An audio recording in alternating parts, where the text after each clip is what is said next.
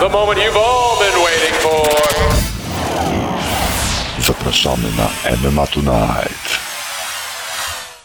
Hej kochani, hej kochani, z tej strony Mariusz Olkiewicz się kłania, a to 278 odcinek MMA Tonight Live, czyli waszego ukochanego podcastu od indecage.pl, a ze mną dzisiaj e, wasz ulubiony współprowadzący Michał Malinowski, witam serdecznie. Dobry wieczór.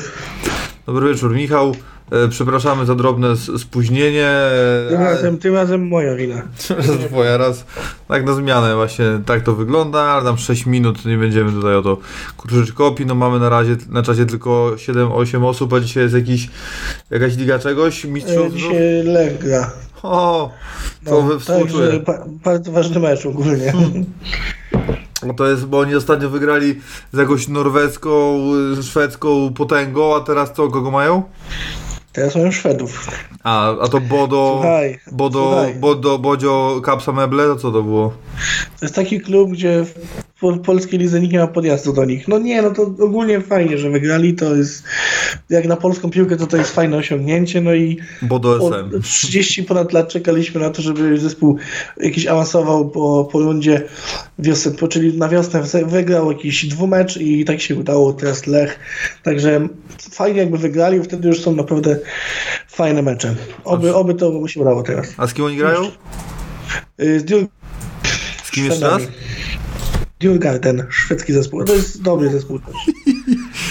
No, A widzisz, i ty, no, widzisz, a widzisz, ty się śmiesz, bo ty nie znasz, ale to jest naprawdę do, dobry zespół.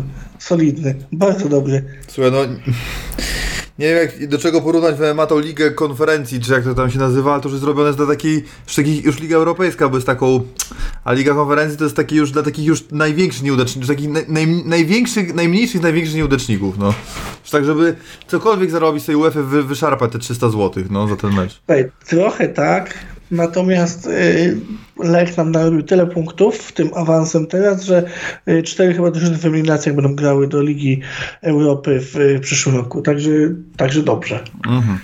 No dobrze, a my zajmijmy się jednak sportem zdecydowanie bardziej mm, emocjonującym, przynajmniej mnie, czyli MMA. E, I zaczniemy, w zasadzie zaczniemy, zaczniemy od tego oktagonu, bo to, no nie chcę mówić, że będzie trochę monolog, no ale zaczniemy od tego, a potem już będziemy raczej e, po tyle samo czasu poświęcali, bo chciałbym się jednak mimo wszystko podzielić tymi wrażeniami z gali Octagon 40 G- Tip Sport Game Changer, na której mieliśmy okazję być, bo w zasadzie jest się czym dzielić i jak ktoś ma jakieś pytania, to piszcie, jak ty masz Michał jakieś pytania, to też ci chętnie odpowiem.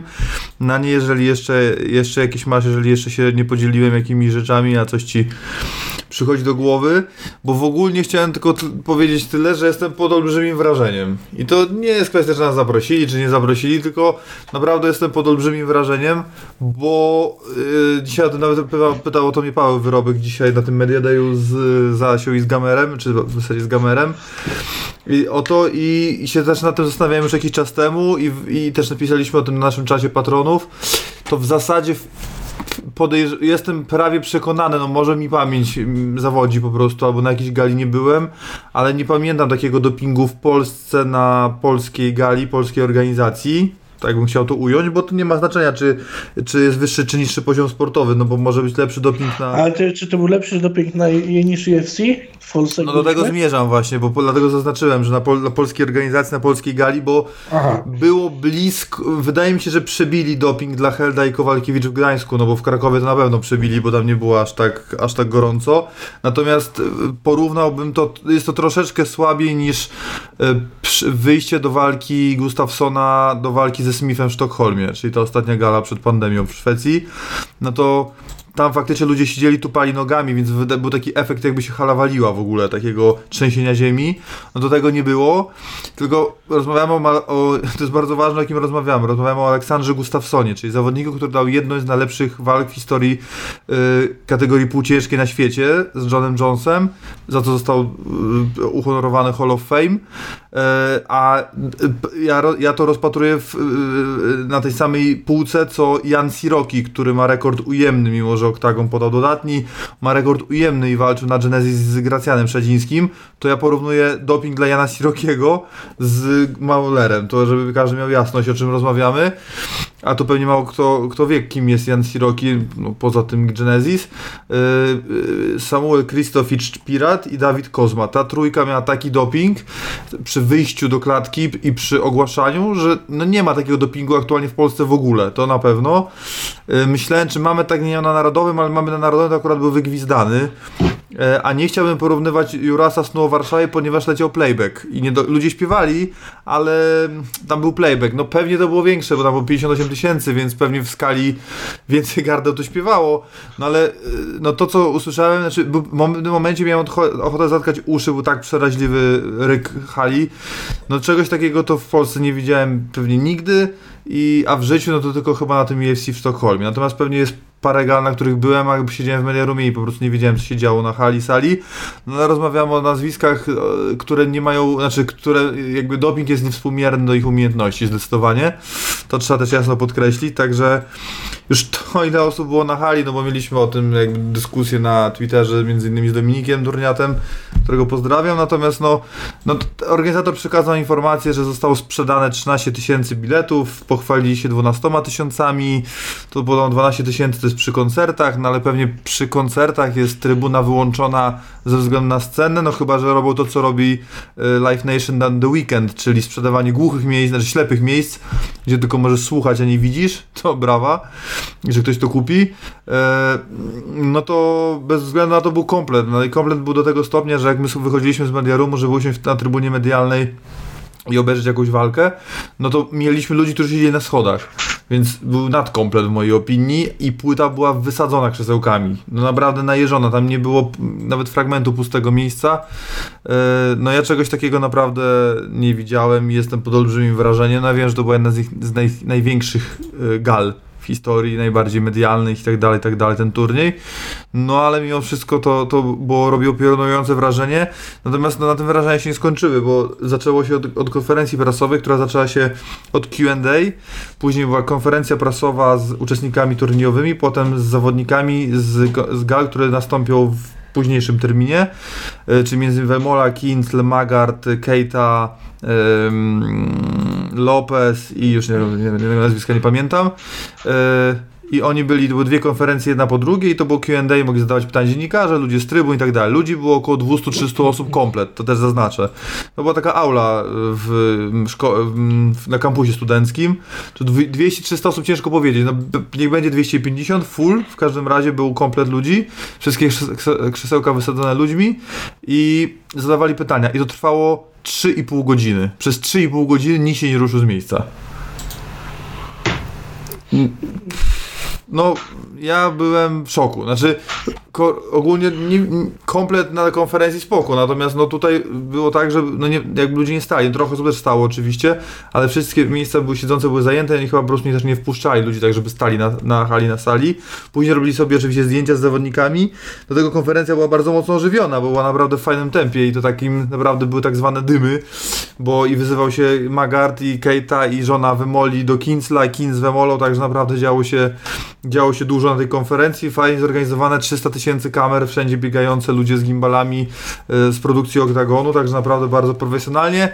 No już kwestie wywiadów niestety nie, nie, nie wyglądały tak jak u nas, tutaj akurat jest to dużo lepiej zadbane, więc jest łapanka taka trochę i mimo, że przyjechaliśmy no, no mimo wszystko z zagranicy, no tam 15 minut od granicy Ostrawa jest, no ale jednak to, no to jednak nie za dużo nam pomogli z tymi wywiadami niestety, no więc udało się złapać kogo się udało, tłumacza też nie było, więc też wszystkich nie mogliśmy zrobić, no ale robi to wrażenie piorunujące i potem jeszcze, jeszcze zamykając ten temat, no to ostatnia rzecz, czyli to, co się wydarzyło po gali, czyli godzina, nie wiem, tam w pół do pierwszej w nocy chyba, albo około pół do pierwszej w nocy, idziemy na konferencję prasową, no więc spodziewałem się, no byłem na konferencjach w Abu Dhabi, byłem na konferencjach w Sztokholmie, nie wiem, w Londynie, w różne, na różnych konferencjach UFC byłem i KSW zresztą też.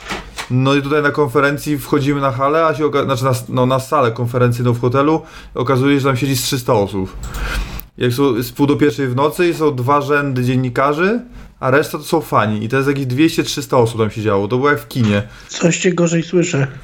coś gorzej, może teraz, no nie wiem.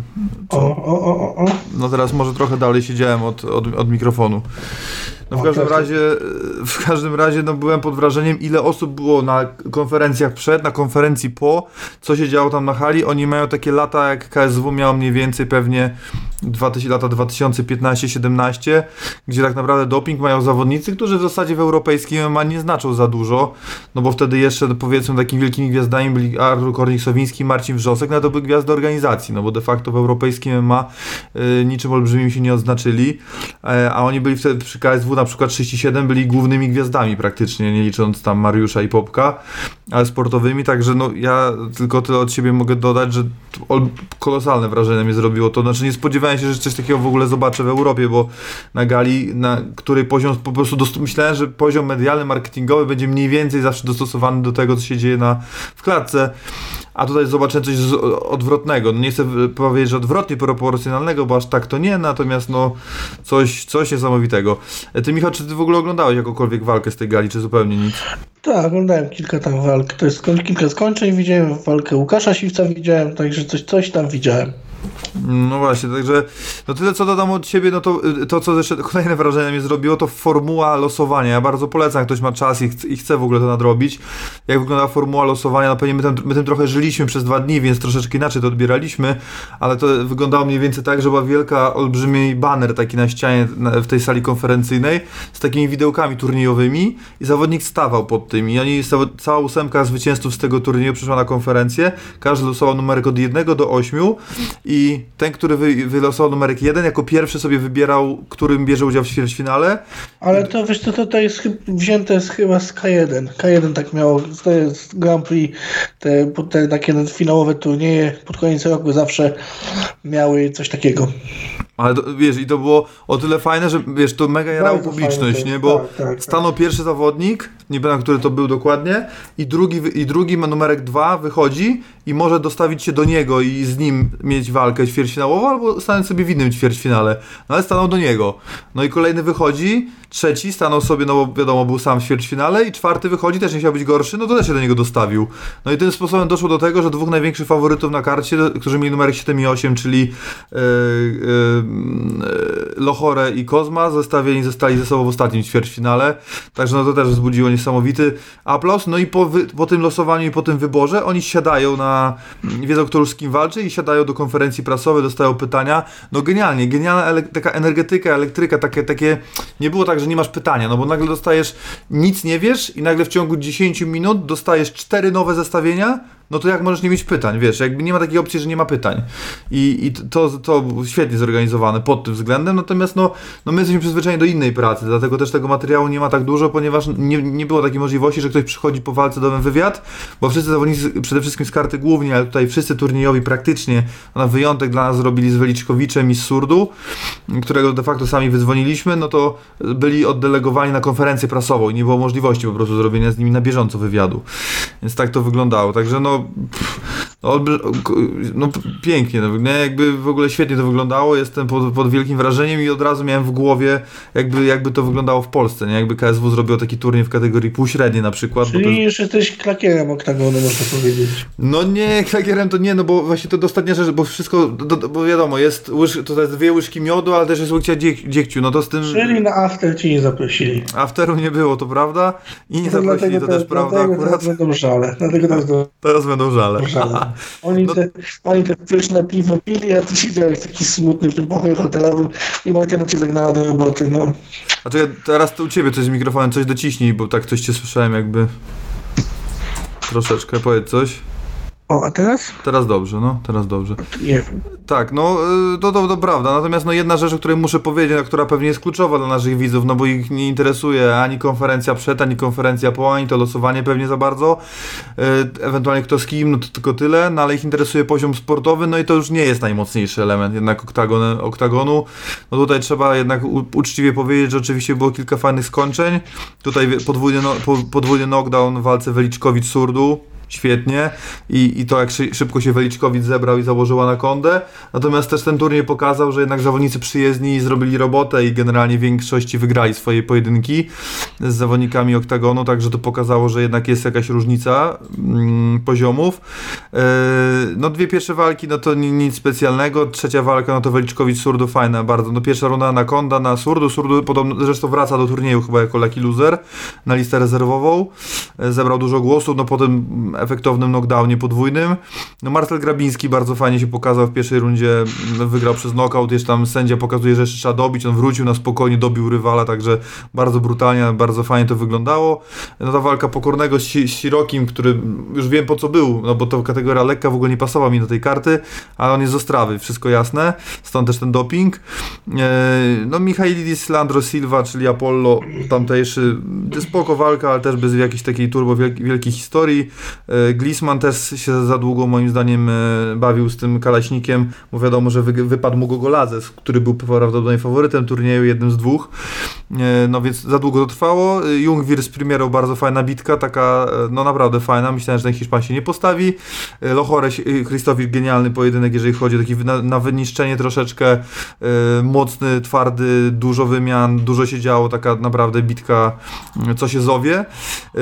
No i wiadomo, najwięcej też emocji ze względu na to, że Łukasz Siwiec walczył w main evencie, no to ta walka z Kozmą, bo Łukasz Siwiec miał już gilotynę dopiętą, naprawdę no to co się działo na trybunach w trakcie tej gilotyny, jak ona została puszczona i okazało się, że Kozma jest bezpieczny, no to tam publiczność naprawdę eksplodowała, także pod tym względem naprawdę spoko, natomiast no ogólnie całościowo, no niestety, no, no to nie była jakby najlepsza gala MMA, jaką w życiu widziałem, a na pewno najgorsza, jaką widziałem za granicą, podejrzewam, więc e, no tak, no tutaj pod tym względem, no to jeszcze czekać trochę robot, natomiast dobrze się oglądało te kilka pojedynków, doping w tych walkach, o których mówiłem, czyli Krzysztoficza, Kozmy, Sirokiego też zro- zrobił olbrzymią robotę, e, bardzo fajnie to opakowane, e, no produkcyjnie no tak e, czerpią z UFC, natomiast no nie jest jeszcze ten level, jeżeli chodzi o, o wpompowane pieniądze, wiadomo, że jest podobne wyjście zawodnika, ekran na górze, podobna konstrukcja lampi, ona świece, świeci po publice, to akurat nie jest fajne, bo jak dostawałem tą lampą po ryju, to akurat nie było przyjemnie, no ale to już takie detale, natomiast polecam, jak ktoś ma blisko, no to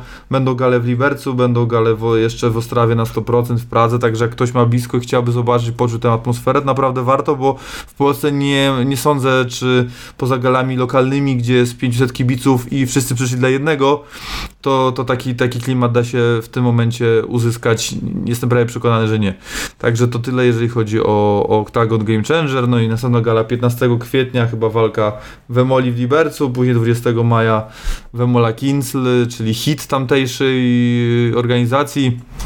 I chyba później jakoś albo maj, albo czerwiec druga część turnieju chyba w Niemczech e, będzie się odbywała, czyli ćwierćfinały, także jest duża szansa, że jeszcze, jeszcze się tam pojawimy, tym razem postaram się tego materiału zrobić znacznie więcej, także nam się bardzo fa- fajnie pracowało, chociaż dobrze, natomiast za mało, znaczy my lubimy więcej pracować, więcej zrobić materiału dla nas, jeszcze trochę ten system pracy, więcej oglądamy walk, ale mniej pracujemy, to nie jesteśmy do tego przyzwyczajeni, jednak lubimy robić, robić, robić, robić, robić, co widać po naszym kanale. Ja sprawdzę jeszcze, yy, no bo faktycznie, a który ten mecz się rozpoczął? 20.30. 20.30. Albo no, czyli- 21. a Nie, może 21 chyba wszystkie puchary teraz są. 21, no dobrze. No tak czy inaczej, yy, nie musieliśmy się nie wstrzelić zdecydowanie z godziną, bo naprawdę mało osób nas w tej chwili słucha, a szkoda, bo live był ustawiony znacznie wcześniej, natomiast to nie zmienia faktu, że przechodzimy, yy, przechodzę na czat i przechodzimy do tematu numer 1, czyli UFC 285. Yy, witamy wszystkich, tak mi się przez chwilę wydawało. Mm, A, to Filip pisze, a tutaj, a tej organizacji, że mają najlepszych komentatorów. Yy, no tak, Brian Lacey, Luke Barnett, Barnett spoko faktycznie, no, ale ci polscy to nie wiem, nie znam. A to polscy są? No podobno polscy, no zależy co, dla kogo jest Śląsk. No to, ten też to niemiecki. A to ale jest po niemiecku komentarzem? Dobrze, Michał, yy, to, to o tym Octagonie dwa słowa, jakby ktoś jeszcze tam miał jakieś pytania na czacie, to ja chętnie odpowiem, no bo, bo, bo jeszcze trochę ten temat we mnie, we mnie żyje i, i cieszy to, nie, nie da się yy, powiedzieć, yy, nie, nie, o tym nie powiedzieć, więc yy, UFC 285, oczywiście nie będziemy rozmawiali o całej karcie, ale o tych walkach, które interesują wszystkich zdecydowanie najbardziej, ale i tu bym zaczął jednak od, od dołu, Dricus Duplessis stylu pijanego mistrza ponownie wygrywa, tym razem z Derekiem Brunsonem, plaso, przepraszam, plasowanym chyba wówczas na pozycji numer 7, ile się nie- czy 5 w ogóle, więc Dricus wbija się do dziesiątki i w zasadzie ja już chyba jestem w tym trybie, w którym Drikus walczy, czyli zombie. Ja już wierzę chyba we wszystko, także jak machnie Pereira, to ja w ogóle już chyba nie będę zaskoczony. No, Michał, sytuacja wygląda tak.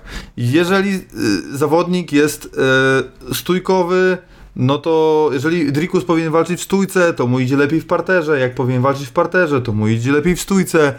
I tak dalej, i tak dalej. Dostosowuje się po prostu jak, yy, jak plastelina, jak nie wiem, nie, nie wiem, nie mam słów na tego człowieka, bo on nie ma prawa tych pojedynków wygrywać już tak mniej więcej od druga czy trzecia walka już była taka wątpliwa, no ale z tym Tilem było tak o, a z Derekiem Brusonem oddał w pierwszej rundzie, miał w, po 40 sekundach chyba, oddał boczną, oddał tam plecy, oddał tam dosiad, miał technikę kończącą, dwie techniki kończące i był podłączony.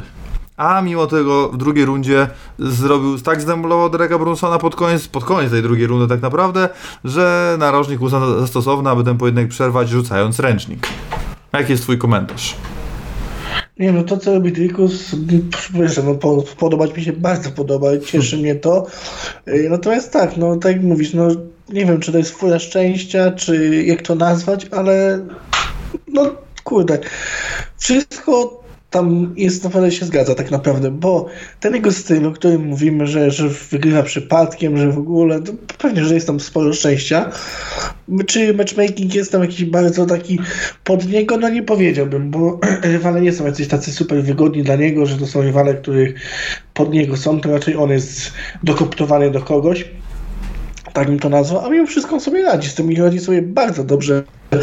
5-0 w UFC, teraz naprawdę skończenie po świetnej walce dla, dla fanów, yy, skończenie przed czasem, kurde, no kapitalna sprawa tak naprawdę i wiadomo, że ta porażka w końcu przyjdzie, bo nie można mieć tyle szczęścia, natomiast to też tam nie ma przypadku, tam nie ma przypadku, Drikus yy, jak już poczuje krew, jak wie, że to jest jego ostatnia szansa, idzie pełnym piecem, tak jak pokazał to z Drikus, tak jak pokazał w ostatniej walce teraz yy, z Bronsonem, no i wykorzystał tą szansę, wykorzystał tą szansę, on umie, on bardzo umiejętnie umie wykorzystywać te swoje szanse, które mu się nadarzają i wykorzystuje je w 100%. No i super, naprawdę, 5-0 w UFC i pokazał, że można, a gdzieś tam pewien Chorwat siedzi w Düsseldorfie i pewnie podciera się teraz z tymi kolumbijskimi pesos, czy tam co on dostaje, jakieś tam malezyjskie petrodolary i pewnie popłakuje sobie troszkę patrząc na, na kolegę z RPA. No, nie da się nie porównywać, bo jeden i drugi byli dla siebie ostatnimi porażkami, zdaje się, tak? Czyli tak, Soldicz ostatnio przegrał z Rikusem i odwrotnie. No, y, patrzę na ranking, no to naprawdę nie, UFC nie, do- jakby w ogóle nie, jakby do, do, maksymalnie docenia Rikusa do Plesisa. No, skoczył o cztery pozycje, to jest największy awans pewnie po tej gali. Z dziesiątego miejsca wskoczył na szóste i nad nim jest już, ty, on już wyskoczył z Stricklanda i Romana Dolidze, to też jest w ogóle hit i nad nim jest już tylko tam już w ogóle jest straszna sprawa, że Kelvin Gastelum tak pikuje, on już jest na 15 miejscu, zaraz wypadnie. E, Jest Paulo Costa, Marvin Vettori, Jared Cannonier, Robert Whittaker i Israel Adesanya. Oczywiście nie licząc mistrza, czyli Alexa Pereiry. Czyli o ile się nie mylę, to nad nim są już... Wiesz co, ja uważam, że z dwu, przynajmniej z dwójką tych zawodników miały szansę. A, Mówię o Koście i o Vettori. O Jest- Vettori szczególnie. Wiesz co, no oni, tutaj wynika z tego, że on ma nad sobą już tylko byłych pretendentów do pasa albo mistrzów. Tak, tak. No tak. I, I wygrana z którymkolwiek y, przy pewnym ciągu zdarzeń może dać mu walkę o pas tak naprawdę, bo jeśli Pereira zbije drugi raz Adesanie, y, Whittaker, który lubi kontuzję łapać, dostanie kontuzji, a on pokona na przykład y, Vettoriego, który walczył niedawno o pas, bliżej on walczył o pas ostatnio niż Costa, który walczył dawno o pas, jeśli pokona Vettoriego, no to może być tak, że za chwilę będzie walczył o pas. A jeszcze, Vettori a ma czekaj, walkę być- Dolidze y, ustawioną. a, no to tak, no dobra, no to już na przykład pokona Kostę, a Pereira wygra z Adesanią i teraz tak, Pereira będzie chciał iść do Jonesa, bo tam są pieniądze, będzie chciał iść do 9-3 i teraz będzie jakiś interim 8-4 i tam będzie walczył. No tylko, że Jones jest ciężki, a nie w 9-3, to jest problem. A, no tak, zapomniałem, no to To mu został Prochaska tam najwyżej, no. No on też nie, nie ma pasa. No też, no tak, no nie ma teoretycznie, no tak, no Zapomniałem Jamahal Hill, no ale no to tam Jamahal Hill to tam nie ma pieniędzy, to mu się bardziej opłaca trylogia za Desanią. Pewnie.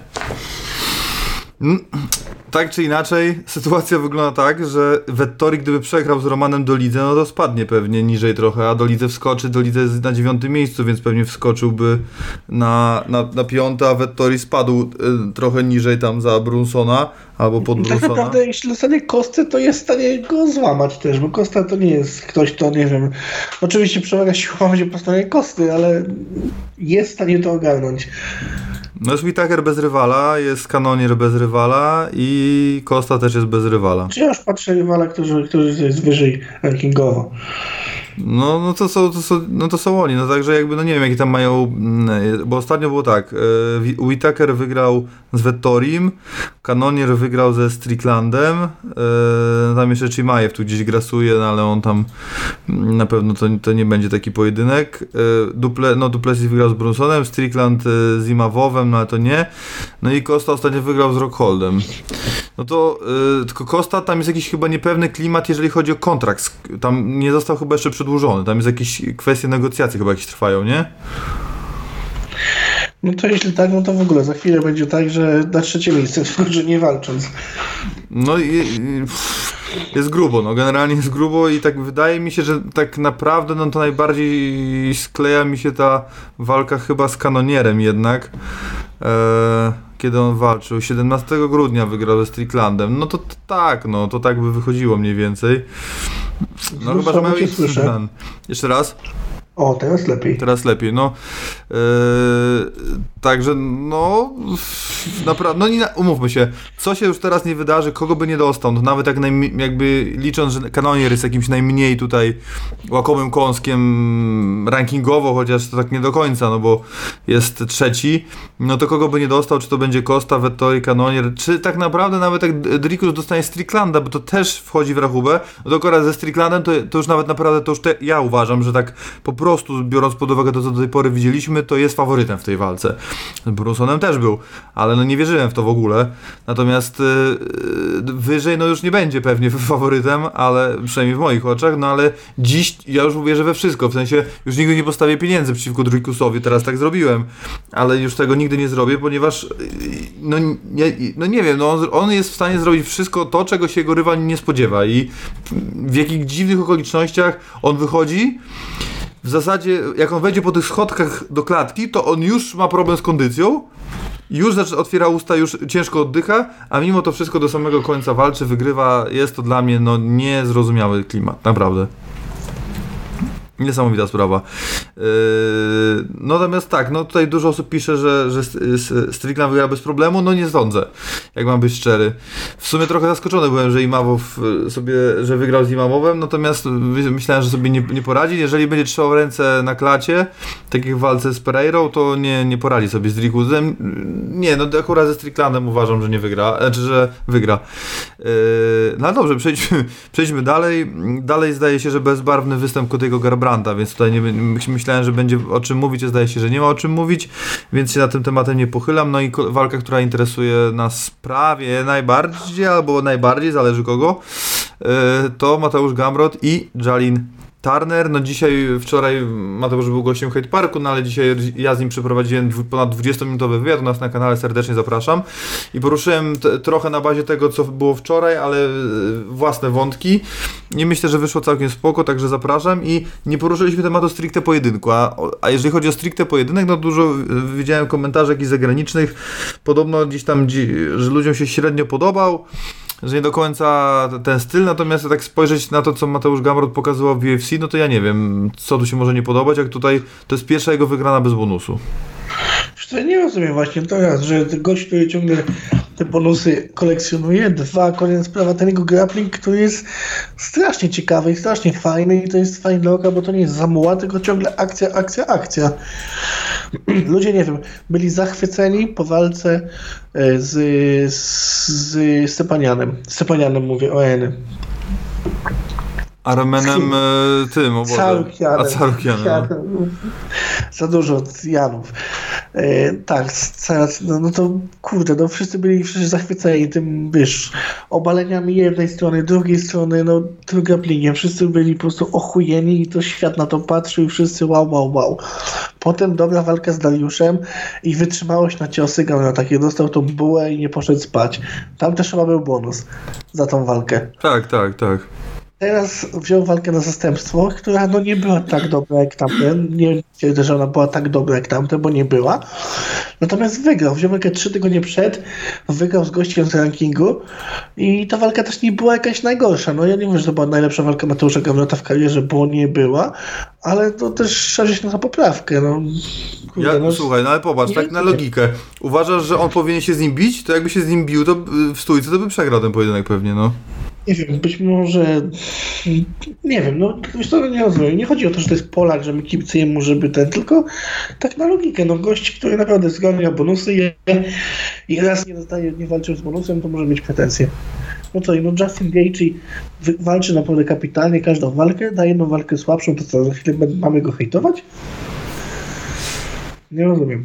No, nie, no ja, do mnie też to nie trafia ja zupełnie e, ta narracja, no ale na szczęście w tych w polskich mediach akurat jest tego mniej i jakby na szczęście w polskich mediach, w sensie na polskich e, mediach społecznościowych, e, więc zdecydowanie się z tym nie zgadzam. Poza tym w ogóle uważam, że walka była rozgrana, biorąc, znaczy inaczej, w ogóle jakby biorąc pod uwagę fakt, że Mateusz tam poleciał, dostał w ogóle dwa tygodnie, dwa i pół tygodnia przed e, propozycję, poleciał tam, okazało się, że nie ma wizy pracowniczej i nie da się jej załatwić i walka na tydzień przed była w fazie 50 na 50 i on musiał, było ryzyko, że będzie musiał lecieć do Polski w ogóle, no ale to byłoby powiedzieć, że to się nie uda, no jakby nie, w sensie nie będzie sensu podchodzić do tego pojedynku, bo on po prostu nie będzie w stanie fizycznie do tego podejść, ponieważ dwa razy zmieni strefę czasową e, w krótkim czasie, co byłoby, rozpieprzyło mu kompletnie organizm i prawdopodobnie jeszcze by spowodowało, że nie wykona limitu wagowego, no więc w ogóle by się to wszystko nie kalkulowało od początku do końca i on y, poleciał, i tak poleciał do Kanady, czyli z 20,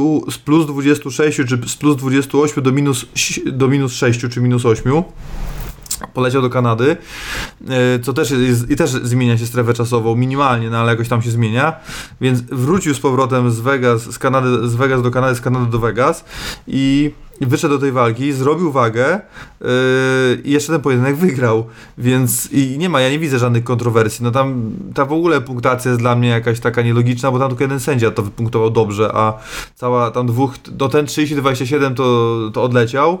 I ten, który nie dał trzeciej rundy Gamerowi też odleciał, także to tam jest, szczególnie ten tak naprawdę, bo no powiedzmy, że ktoś widział dwie rundy bliskie, no i dał je na Gamera, no to te 30-27 mi się jeszcze chyba bardziej klei niż to 29-20 yy, znaczy to, to, że nie dał kto, któryś z sędziów trzeciej rundy, no bo trzecia runda była w miarę oczywista z racji tego, że pod koniec, na ostatnio, na samej końcówce ten był ten dosiad, no i ogólnie chyba druga i trzecia runda, bo w drugiej rundzie był ten krucyfis, te krótkie ciosy, tam niby był ten knockdown taki, ale knockdown, no Gamer nie ma takich knockdownów takich typowych, że dostaje, leci na, te, na plecy, tylko się jak sprężynka, on dostaje i od razu wraca. E, no tam był ten krucyfiks i taki, te ciosy, które nie, wiadomo, że nie zakończyłyby pojedynku, ale było ich tak dużo i tak i w takiej pozycji dominującej, że myślę, że to mogło przeważyć. Zresztą tam były też chyba dwa obalenia. Nie wiem, czy nie pomyliłem pierwszej rundy z drugą, no niemniej jednak, i, no oczywiście, że się bałem o wynik, natomiast no druga i trzecia runda myślę, że były przynajmniej dla mnie dość klarowne i po trzeciej rundzie byłem spokojny, o, tak bym to ujął. Mhm, tak, ja też tak uważam. Dokładnie tak jak ty uważam. Nie, nie rozumiem, czemu ten jeden sędzia mógł dać na, na korzyść yy, pająk, you know, pająk. Pająk. Więc... Pająk, pająk, you know. you know. Więc tak nie, no, no serio, nie kumam tego, bo te dwie, dwie rundy były klarowne, zresztą trzecia dla trenera też była klarowna, więc tak nie wiem, nie wiem. No też tego nie rozumiem, no ale to już jest słodka tajemnica sędziów. E, byli oni znani przed, co też jest w ogóle dziwną sprawą i teraz chciałbym Ciebie zapytać o to, bo to dwa czy trzy tygodnie przed było wiadomo, kto będzie sędziował którą walkę. Znaczy na pewno było to wiadomo w przypadku e, Johna Jonesa. Nie wiem, czy, czy sędziowie byli podani do każdego pojedynku, ale na pewno do Johna Jonesa. Podejrzewam, że w, wypadku, w tym wypadku też do koło main eventu, czyli walki pań. Myślisz, że to jest opcja ok, czy to powinno być jednak utajnione i jakby zawodnicy nie powinni mieć takiej wiedzy aż do momentu, nie chociaż do fight dayu? Wiesz co, nie wiem, jak, robił z tego, nie wiem, jakiejś afery, czy coś w tym stylu. Nie, nie, nie, nie mam zdania za bardzo na ten temat tak naprawdę. Nie uważam, że to jest coś jakiegoś takiego złego i coś, co należy piętnować. To bez znaczenia moim zdaniem.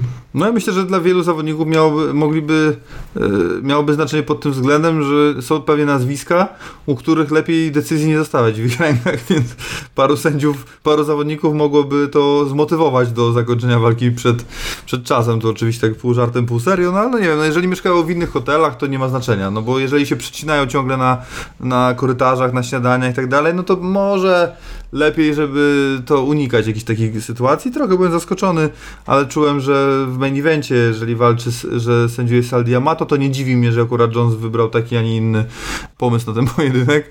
Yy, lepiej dmuchać na zimne, chociaż w tym wypadku akurat mógłby sobie już wpisać 50-45 raczej, bo Sal akurat chyba każdorazowo punktował na jego korzyść. Yy, co do Mateusza Gamrota, no to ja ten jakby odsyłam do wywiadu, bo ja zapytałem, jak on to widzi dalej, bo ja nawet byłem skłonny mu dać yy, rywala ze zwycięzcę walki Fizjew Gaethje, no ale on widzi przegranego z Fizjew Gaethje, bo uznaje, że Fizjew pójdzie do pasa. Ale to zapytam ciebie, bo też pytałem o to dzisiaj Asię, bo też wywiad z też zapraszam na kanał.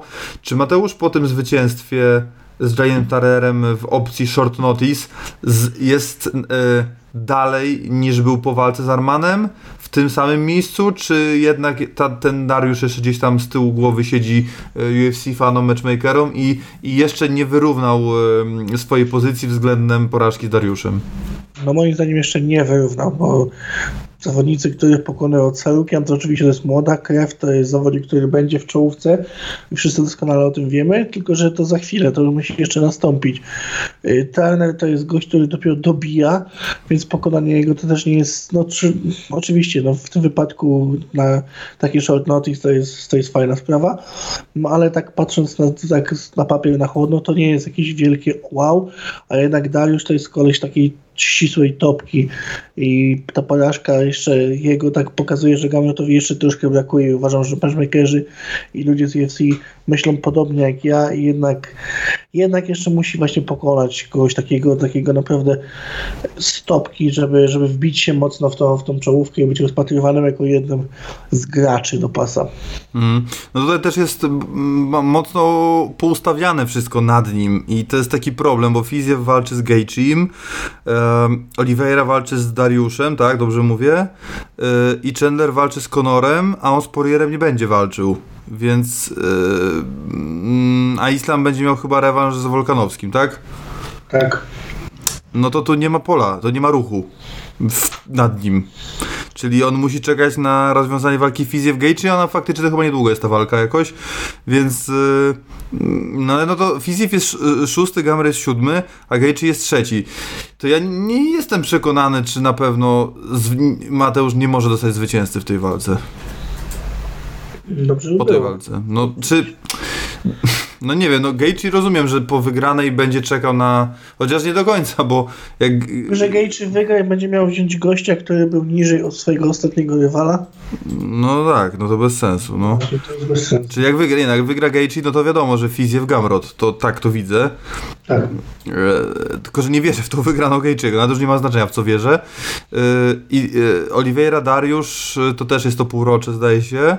No, wiesz, to, ja, no. ja, wiesz co, ja uważam, że mimo wszystko dla, dla Gamrota lepiej byłby Justin Gaethje niż Fizjew, bo Fizjew to jest zawodnik, który też dobija do czołówki, to nie jest nazwisko, a Gamrotowi brakuje właśnie wielkiego nazwiska. Kogoś, kto ma, jest rozpoznawalny, kto ma nazwisko i kto, kto może zrobić mu dobrze medialnie, że tak powiem, i na jego plecach się wybić. I nawet jeśli ten yy, Gaethje będzie po porażce z Fizjewem, Fizjew skoczy wyżej w rankingu, a Gaethje będzie, nie wiem, blisko Gamrota, za Gamrotem, przed Gamrotem, to dla Mateusza lepszy matchup to jest dalej Justin Gaethje, bo wiadomo, że walka będzie na jakiejś gali numerowanej w Stanach, rozpoznawalnej.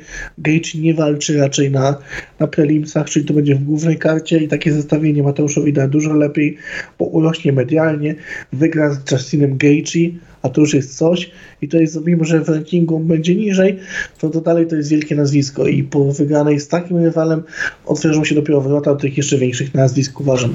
Mhm, no to to jest taki najro, najrozsądniejszy scenariusz, zresztą to nawet by się nawet chyba terminowo sklejało, tylko jeszcze luknę, żeby mieć pewność. No to tak, no to ta gala jest za tydzień. 18 marca walczy Gaethje z Fiziewem.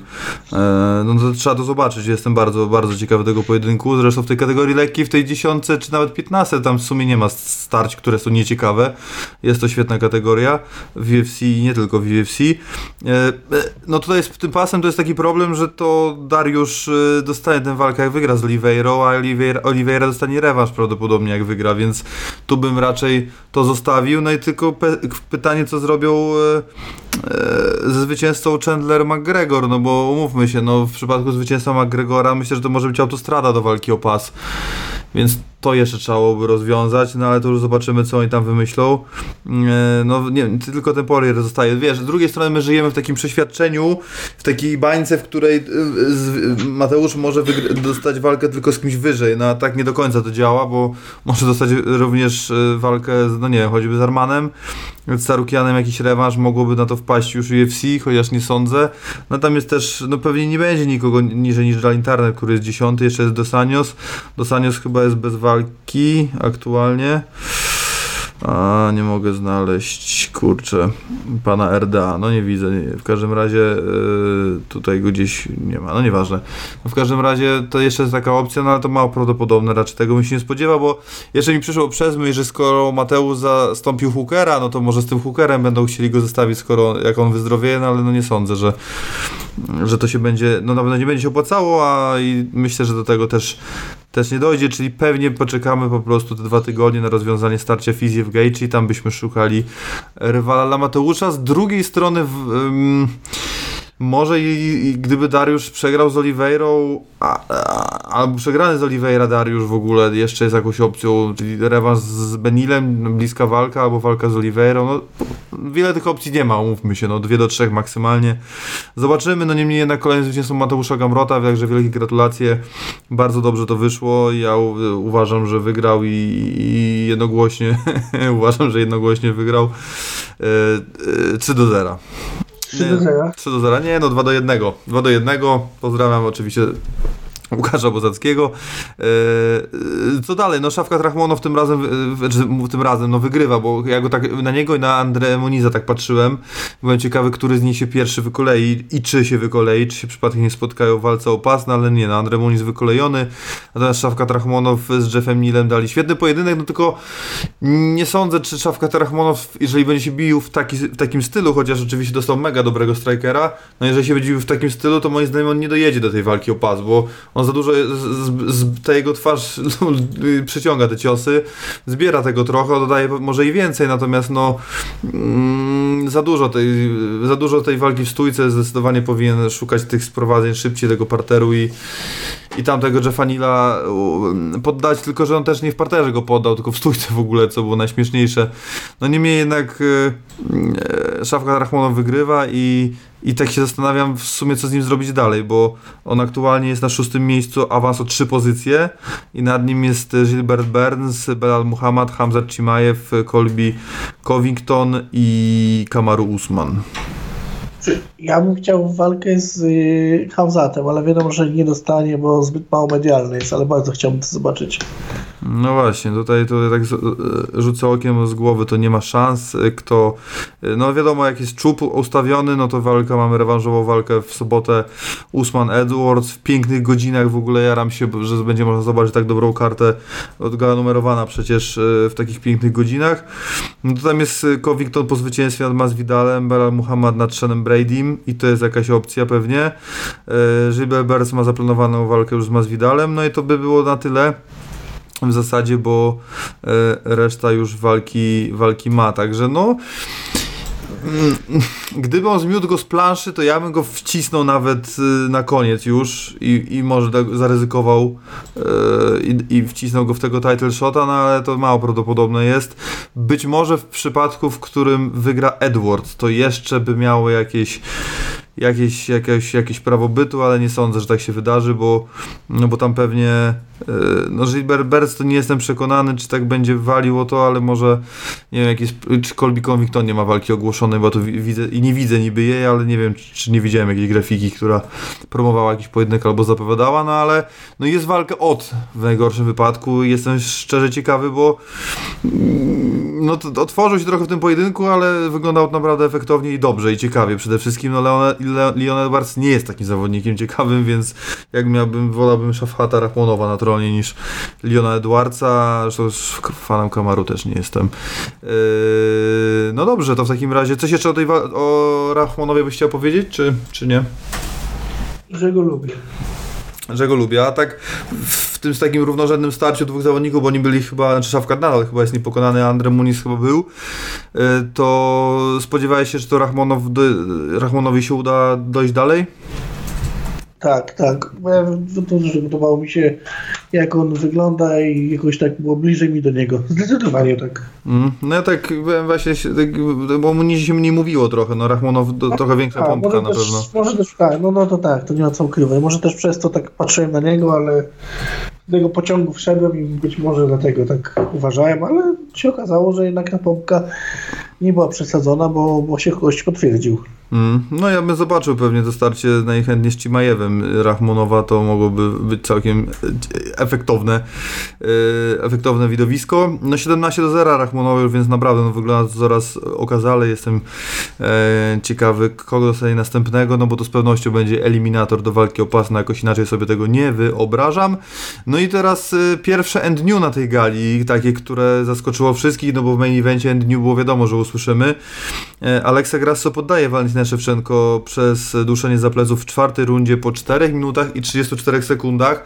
No i tak naprawdę co możemy o tym pojedynku powiedzieć? No nic, po prostu ktoś tutaj odrobił lekcję i Aleksa Grasso wrzuciła filmik, w którym e, robią tę akcję. No oni wiedzieli, powiedzieli o tym, że oni wiedzą, że nakopie obrotówki i dokładnie taki był plan, to było przetrenowane, więc tam też było widać, że w tym momencie, jak ona się obraca, Aleksa Grasso ma jasny cel, w każdym momencie wiedziała, jak się ma zachować. Tam nie było zupełnie przypadku w tym pojedynku. Ktoś w końcu, no nie tyle, że rozczytał Valentinę, bo może rozczytało ją więcej na, e, sztabów, natomiast Aleksa Grasso była po prostu w stanie ten plan wykonać i wykonała go perfekcyjnie, co nie zmienia faktu, że walki nie wygrywała. No i to, że to się drugi raz uda jest też bardzo mało prawdopodobne, szczerze mówiąc, natomiast no ma swój moment, ma swoje 5 minut i aktualnie jest mistrzynią kategorii muszej, przerywając e, rekordową serię Valentiny Szewczenko, bo ona była rekordzistką, to było 4, 7 obroń. 7 obroń to była ósma obrona Valentiny Szewczenko yy, i była, jest, jest nadal rekordzistką, no bo Asia miała 5, Ronda miała 6, Valentina miała 7 tych obron, także piękna seria, no ale yy, przyszła kryska na Matyska. Ronda Rousey, Joanna Jędrzejczyk, Valentina Szewczenko. W każdym z tych przypadków jest jedna wielka dominatorka wagi, jedna gwiazda tej wagi, aż w końcu te dziewczyny dochodzą do jej poziomu i ta kariera powoli z tej mistrzyni się kończy. Uważam, że tak będzie podobnie. Być może Valentina w rewanżu wygra z Alessą Grasso, ale to nie będzie tak, że będzie kolejne 4 czy 5 obron. Ja uważam, że ta dywizja dorosła już do tego, żeby te mistrzyni się y, zmieniały i uważam, że to jest początek, nie może końca Walentiny, bo nie chcę wieszyć też końca Walentiny, ale uważam, że już mistrzyni będzie dużo, dużo ciężej być mistrzynią i sięgnąć pasa. Myślę, że to będzie podobny właśnie przypadek, jak wspomniane przeze mnie panie wcześniej i Myślę, że Valentina teraz dopiero będzie toczyła ciężkie boje, bo na początku miała spacerki, te dziewczyny nie w ogóle nie miały podjazdu, ale Sagrasso naprawdę była dobrze przygotowana do tej walki, bardzo mi się podobała. Miała przede wszystkim pomysł, nie przestraszyła się tej Valentiny, nie dała się stłamsić. Mimo, że tak jak powiedziałeś, no walki nie wygrywała, no to jednak widać było pomysł w tej walce, to nie było tak, że to był totalnie jednostronny pojedynek lekcje zostały odrobione i myślę, że to nie jest pierwsza zawodnicza, która właśnie te lekcje odrobiła, tylko jej śladem pójdą kolejne.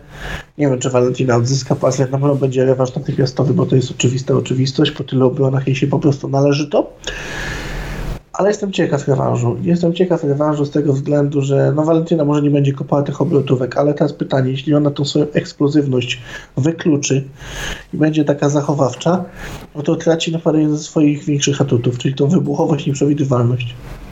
Hmm. No jest jak zastanawiam, bo no oczywiście się zgadzam z tobą a propos tego, że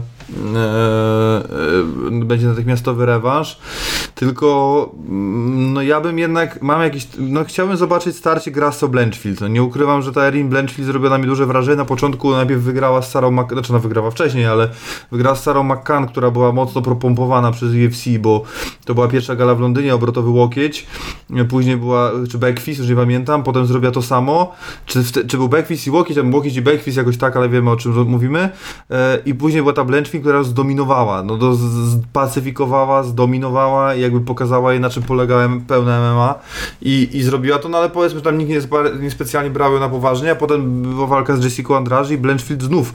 Jakby już drugi raz udowadnia, że no nie jest to przypadek ona naprawdę umie to, w to MMA ja osobiście uważam, ona jest dość taka sztywna i surowa w, tej, w, tej, w tym MMA i ona jest taka, no nie ma tam finezji i wirtuozerii, natomiast jest piekielnie skuteczna. No jest dość ociosana w tym wszystkich, w tych wszystkich ruchach, ale one te ruchy doprowadzają do tego miejsca, w którym jest, a jest na czwartym miejscu w rankingu. Ja bym wolał Blanchfield Grasso zobaczyć e, niż Blanchfield, e, niż rewanż Szewczenko Grasso, no ale doskonale wiemy, że no to po prostu mm, trzeba oddać cesarzowi co cesarskie i po prostu Walentynie się po tylu obronach ten rewanż należy, co nie zmienia pewnie e, faktu, że ta Blanchfield w końcu się dokopie do tej walki o pas, a, w, w, tym czasie pewnie zestawią ją z Tylą Santos, która no, była dość blisko, aby jako pierwsza pokonać Szewczenko. Tak. Tak. no zobaczymy, jak to wszystko będzie wyglądało, natomiast no tutaj z walk chyba nie ma prawie nic ogłoszone, no tam już gdzieś niżej to tak, ale ostatnio, bo to i Amanda Ribas ostatnio walczyła i teraz Jennifer Maja ma chyba zostawioną walkę, a cała reszta ani Tayla Santos nie ma, ani no Blenfi też nie, niedawno walczyła, więc też nie ma. Manon Fuarot i Czukagian również nie, no ale tam już nie będziemy zapędzali, no zobaczymy jak, czy też nie będą chcieli zrobić jakiegoś takiego mm, e, pomiędzy powracającą Tatianą Suarez e, i gdzieś tam jej wrzucić można to Erin Blanchfield już, chociaż ona jest aktualnie poza rankingiem, zdaje się, także mało prawdopodobne. No, czas pokaże. No, generalnie zaczyna, wychodzi na to w tej chwili, po tej zmianie, że jak się nawet spojrzy ten ranking, w którym się znajduje też Tracy Cortez, Macy Barber, e, Taribas coraz mocniej idzie, jest ta niezła Tyla Santos, Erin Blanchfield e, i tak dalej, i tak dalej, i tak dalej. No jak się spojrzy na te nazwiska, to zaczyna się robić ciekawiej niż sumkowe i to w sumie spoko, bo, e, bo no dawno tego nie było, zawsze to ta sumkowa generalnie nadawała rytm raczej przez wiele lat, a, a teraz w tej muszej zaczyna się robić ciekawiej, szczególnie po tej zmianie na szczycie, także sam jestem ciekawy jak to wyjdzie, natomiast osobiście uważam, że Alexa Grasso nie wygra tego rewanżu, no ale kto wie, no tak samo uważam, że Usman, e, Adesania i Szewczenko odbiorą swoje pasy, a może się okazać, że będzie wręcz odwrotnie i, to, i ta zmiana warty nastąpi na znacznie dłużej niż mi się wydaje. No i przechodzimy Michał do creme de la creme, czyli powrót Johna Jonesa. No i jeszcze nie było opublikowanych wyników testów antydopingowych, ale warto wspomnieć, że do walki doszło i John z niej nie wypadł. Wyszedł do niej e, trosz, trochę większy, troszkę w gorszej formie fizycznej niż się pewnie większość spodziewała po trzech latach. Nie wyglądał tak cudownie jak William Knight z Marcinem, który walczył z Marcinem Prachnią, natomiast zdecydowanie lepiej się od niego bije, co nie podlega dyskusji. No i zgarnia drugi pas, y, tym razem kategorii ciężkiej, y, z, nie, z zawodnikiem, który nie postawił mu absolutnie żadnego oporu.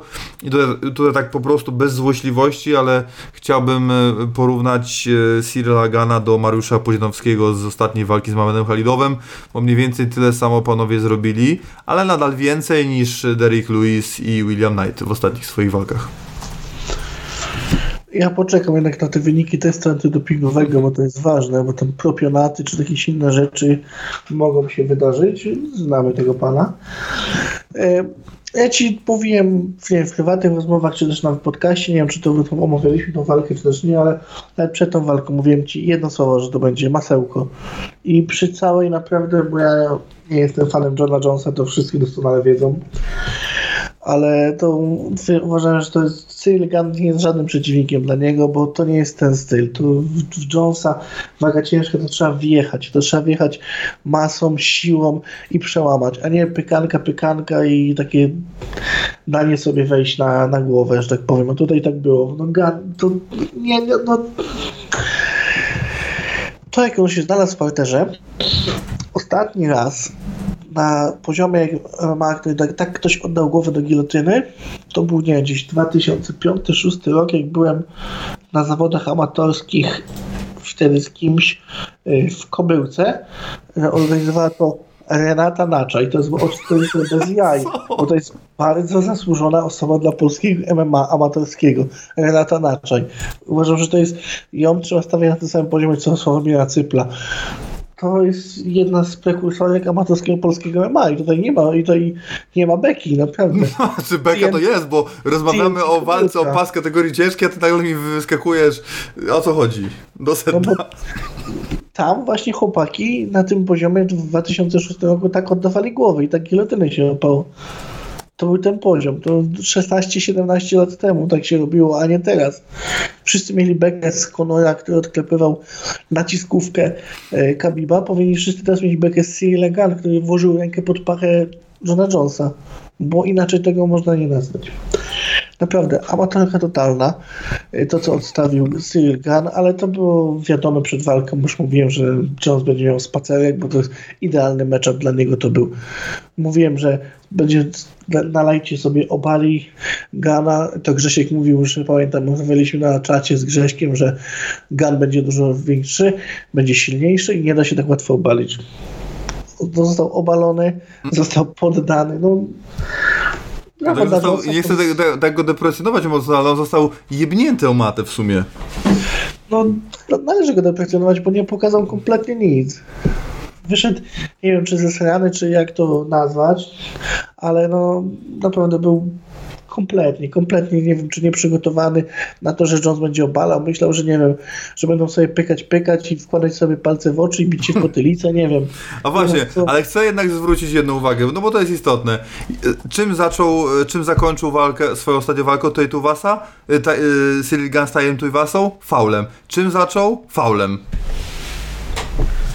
Od no mis- kopnął Jonesa w jaja i to nie było po żadnej zmianie pozycji, to był normalnie kop w jaja. A Jones ile razy palce w oczy wkładał? O, w jadze ciężkie jeszcze ani razu. Czysta karta. Powiem tak. Teraz, teraz będziesz, to jest, będziesz musiał wybrać teraz, daj ci wybór. Bo teraz tak, wiadomo, wiadomo, że John Jones jest posiadaczem pasa, a mistrz jest jeden. Mistrzem jest Francis Ngannou. I póki Jones nie pokona Ngannou, będzie dalej posiadaczem pasa. I teraz tak, albo przyznajesz mi rację, albo wychodzisz na hipokrytę, który używał tego samego argumentu kilka lat wcześniej, gdy DC miał pas w półciężkiej. Wybór należy do pana, słucham pana, państwo słuchają. No widzisz, zapomniałeś o jednej najważniejszej rzeczy. Oczywiście, że się z tobą nie zgadzam, a już ci mówię, dlaczego się z tobą nie zgadzam. W momencie, kiedy Jones był zdobył pas kategorii półciężkiej, Jones był zawodnikiem UFC, a Francis Ngannou nie jest mistrzem UFC, bo nie jest zawodnikiem UFC. Odszedł z organizacji i zwakował pas. Jak Habib. Tak jakbyś powiedział, że Islam jest posiadaczem pasa. O, o, o, o, o, o, o. Nie jest zawodnikiem UFC, no nie może być jej mistrzem, jak nie jest zawodnikiem. Nie jest pracownikiem UFC, no nie może być Dobrze, mistrzem. hipokryta. Doskonale wiemy, że posiadaczem pasa jest tylko Francis. Wiadomo, że Francis musi się dodać, bo Francis potrzebuje UFC, UFC potrzebuje Francisa. A, no to jak wróci, no to zrobił walkę od razu, przecież to jest wiadomo chyba, nie? No po co miałby Francis wrócić, żeby bić się z kim? Z, yy, z piwakiem? Dob- Dobrze, hipokryto, idźmy dalej. Nie no, chciałbym ciebie zapytać, czy, no bo tak, no to, że co Sidley pokazał, czyli nic, to okej, natomiast czy ta walka, czy ta dyspozycja Jonesa, czy odpowiedziałeś na jakieś pytanie? Nie, nie odpowiedziała mi, bo uważam, że Jones z półciężkiej też by pokonał Cyrila Gana. To jest, to, jest, to jest idealny matchup był pod niego. Idealny wręcz. Gość, który pasował mu idealnie. No tak, tylko że oni mają plan zestawić go z Steve'em Jociczem, który znów jest zawodnikiem dobrze pasującym Jonesowi, bo jest kolejnym zawodnikiem, który nie rusza do przodu, nie wywiera presji, nie, nie, jak walczyć Tak, z Jonesem tak. pokazał DC. I trochę Gustafsson, ale bardziej DC w pierwszej walce, w pierwszych dwóch rundach. Tam się Jones pogubił, musiał się w trzeciej rundzie dopiero się ogarnął, a Ale pierwsze dwie rundy przegrał. Tak, i wiesz, i to jest takie, nie mogę powiedzieć, że Miocic też nie będzie, też nie będzie, bo to, to, no to wyszłoby do to, że coś ze mną jest tak. Będzie już testem, nie aż tak dużym jak na przykład Francis Ngannou czy Curtis Blades, uważam, ale będzie testem. No wiadomo, że Miocic jest już mocno past prime i też myślę, że Jones sobie z nim poradzi. Myślę, że to nie, że będzie, to nie będzie tak łatwo jak z Ganem, ale myślę, że sobie Jones poradzi jednak mimo wszystko e, z Stepem Miocicem. Chcę się mylić, ale uważam, że będzie faworytem jednak w starciu ze Stipe, bo to nie jest ten Stipe, który, który walczył, nie wiem, z DC, który walczył pierwszą walkę z Francisem Ngannou, który już jest zawodnik też około 40, jak nie 40 lat chyba już ma. Wydaje mi się, że tak. Wydaje mi się, że tak, że Miocic już może mieć 40 lat. No i dawno też nie bił się, więc ostatnia walka to przecież ten knockout od Ngannou. Także myślę, że no, no będzie testem, ale to, to też nie jest to. No, ten problem teraz jest taki, że Jones przyszedł do ciężkiej, kiedy to ciężka jest naprawdę w opłakanym stanie i nie oszukujmy się. Mm. To nie, wiesz, gdyby przyszedł, nie wiem, dwa lata wcześniej, no to nie byłoby tak źle, bo jeszcze był ten Francis, Miocic jeszcze jako tako i ci rywale byli. Natomiast teraz, no, no wygląda tak wygląda, no nie jest, nie jest super. Jeszcze nie ma Francisa, Miocic już nie ta forma, Curtis Blades walczy też w kratkę. No zobaczymy, zobaczymy. No, na razie uważam, że Johnsonowi nikt pasa nie odbierze w najbliższym czasie. Ja to bym chciał podziękować, mamy nowego wspierającego, do, zawodnik ITC za 4,99 e, Adam Gajik, witamy serdecznie, bardzo jest nam miło. No jak y, od, od menadżera i od sponsora zapraszamy na e, grupę, e, tajną grupę i tajny czat. No, przy zawodniku oczywiście dziękujemy serdecznie za, za wsparcie. Będziesz miał wszystkie te ikonki, te wszystkie rzeczy, które przysługują wszystkim, którzy dołączą do nas jako wspierający w tym właśnie y, progu. Patrzę, to tu jeszcze Adam Gajik. Hej kochani, zajebiste wywiadziki, Justyny Wichał, jak zawsze zresztą. Cała przyjemność po naszej stronie, bardzo jest nam miło, bardzo dziękujemy. E, e, No, ja są trzy nazwiska, które nie wiem jak z tym Tomem Aspinalem mam taki trochę problem, nie chcę go na razie do, tam wypychać jako to jedno z tych nazwisk, więc zamknę się na Pawlowiczu, Blejcie i Rozenstruku. Uważam, że to są te trzy nazwiska, które zrobią największy, mogą zrobić największy problem, przy czym szczególnie te dwa, mam na myśli Pawlowicza, więc tu idzie jak przecinak i on jest takim, takim Iwanem Drago, w sensie na niego nie zadziała ogrom gali, rywal, ta oteczka medialna, myślę, że tego nie ruszy, tak jak nie ruszało Machaczewa, czy nie ruszało Habiba, myślę, że to nie jest coś, co może na niego wpłynąć, a wydaje mi się, że na Gana wpłynęło. Yy, i yy, Rozenstruck to, no ja to trochę opieram moje opinie na tej walce z Roverimem 25-minutowej, że jednak i kondycja ma, i cios ma, i idzie do przodu, szuka tego, natomiast no, no ma też walki, które no nie idą po jego myśli, też przegrywa niektóre pojedynki głupio, Yy, natomiast no, on będzie takim takim zawodnikiem, który może narobić problemu Jonesowi, no ale przede wszystkim no nie da się ukryć, że Curtis Blades to jest ta pierwsze nazwisko, które mi przychodzi do głowy jako to, które tych problemów Jonesowi może ro- narobić po prostu najwięcej, bo, no bo też jest zawodnik, który z tym Enganówce tak źle nie wyglądał. W tamtych pojedynków, już nie wiem czy dwa czy trzy były, no ale pierwszy to było tam kontuzja oka zdaje się i tak dalej, natomiast no to jest zawodnik, który no yy, przede wszystkim nie, nie będzie miał problemu z siłą, nie będzie miał problemu z zapasami, nie będzie miał problemu yy, z pracą, czy z pleców, czy z góry i, i sądzę, że, że, że to może być ten zawodnik, z którym po prostu Jones sobie nie poradzi, no ale widać, że UFC no, ten matchmaking chce tak, tak budować, żeby to, żeby tego... No wiadomo, może mi się opłaca, No wiesz, tak, no. Jones, no muszę mieć jakąś gwiazdę, która sprzedaje pay-per-view, kogoś to przyciąga, no ta gala zgromadziła naprawdę bardzo dużo ludzi na publiczności, widać, że ten Jones jednak ludzi grzeje i chcą go oglądać. I UFC potrzebuje Jonesa, dlatego też potrzebuje, żeby Jones był mistrzem, bo potrzebuje tego UFC, więc uważam, że będą chcieli no, dawać mu łatwe walki, meczapy. No, z jednej strony tak, ale z drugiej to się też broni. No to też waga, tak jak powiedziałem, waga ciężka jest tak słaba, że mm, wszystko, ten Stipe oczywiście oczywiście broni walka Stipe z Jonesem, bo ja tam nie widzę nic, jakichś kontrowersji w tym po prostu. Tak, no tam jeszcze ten idzie taki młody, młody byczek, no co wyzywał Marcina Dyburę. Zobaczymy jak on tam się dokopie do tej czołówki. O tym mówię o tym Joeltonie Almeidzie, no ale to poczekajmy jeszcze, bo to na razie za wcześnie. On, e, przed nim długa droga, no ale idzie na razie dobrze mu to wychodzi, bo ma 4-0 w UFC. E, no i, i dobrze to wygląda, natomiast no, cały czas jeszcze pamiętajmy, że to są zawodnicy, no ostatni najmocniejszy to był Shamil Abdurahimow, więc spokojnie ma zaplanowaną walkę na, na walkę z Rozenstrukiem i jestem ciekawy tego pojedynku, no zwycięzca tej walki na pewno gdzieś tam wskoczy do, do czołówki. Więc tu nic więcej nie mam do dodania. No, y, ja zobacz, co zobaczyłem. No może chciałem to zobaczyć, a może zobaczyłem, nie wiem, ale podzielę się z moimi spostrzeżeniami. No więc to przede wszystkim, że nie ruszał się jak wóz z węglem Jones. A to może wynikało z tego, że te kilogramy przyszły od pasa w górę bardziej niż od, pasa w dół i te jego nogi są cały czas takie same. Yy, I poruszał się dość dobrze, no bo taki moment, że się obrócił na nogach, tak zrobił dość taki w miarę całkiem sprytny piruet, czy to, po którym pewnie Derrick Lewisowi by się zakręciło w głowie i walnąłby mordą w siatkę, ale no tutaj jednak y, koordynacja ruchowa Jonesa była zawsze dobra i, i, i to tak wyglądało. Widać, że miał jasny plan na tego Cyrila Gana. To nie był przypadek to, co on zrobił. Prze mignął cios, złapał go mm, w pas, y, przewrócił i on go tak, to, to było takie słowo obalić, to idealnie mi pasuje do tego, co zrobił, bo sprowadzenie do parteru jest zbyt delikatnym określeniem tego, co się wydarzyło. No huknął trochę o matę ten, ten Cyril, stracił równowagę.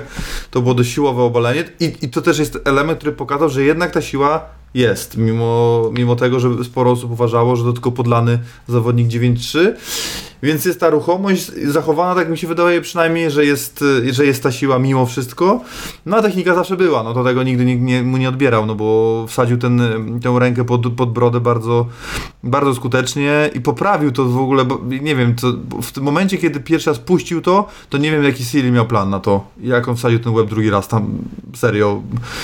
No pewnie mm, jakbym to zobaczył na gali, nie wiem... Kobyłka, 2006, No, Kobyłka. no, no tragedia, no nie tragedia, no nieważne, w każdym razie Pozdrawiam Renatę Naczaj. tutaj dopisał pan Chopin, Kimura nogami, 100 wykrzykników, naczaj wymiata. No Renata Naczaj to jest legenda. No, jak ty możesz nie znać Renaty Naczaj? No, ja nie wiem. Także Renata Naczaj.